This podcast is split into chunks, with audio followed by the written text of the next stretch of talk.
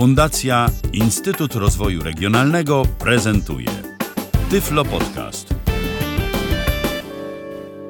Mardecki Mirosław, firma Antix. Stworzyliśmy stoisko historyczne, przedstawienie eksponatów, e, przedmiotów codziennego użytku, które pomagały funkcjonować niewidomym na przestrzeni lat.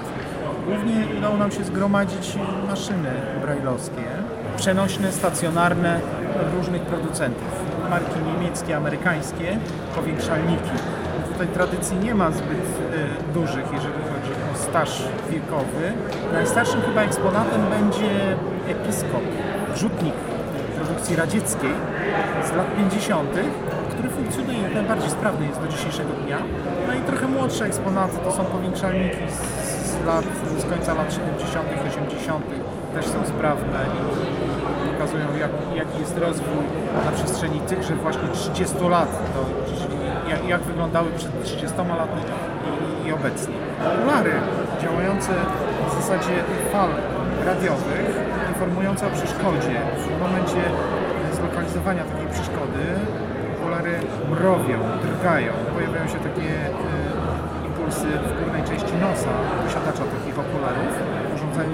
prawdopodobnie produkcji radzieckiej, trudno określić z którego roku. Tak naprawdę dopiero jesteśmy na początku kompletowania takich eksponatów.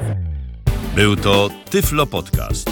Pierwszy polski podcast dla niewidomych i słabowidzących.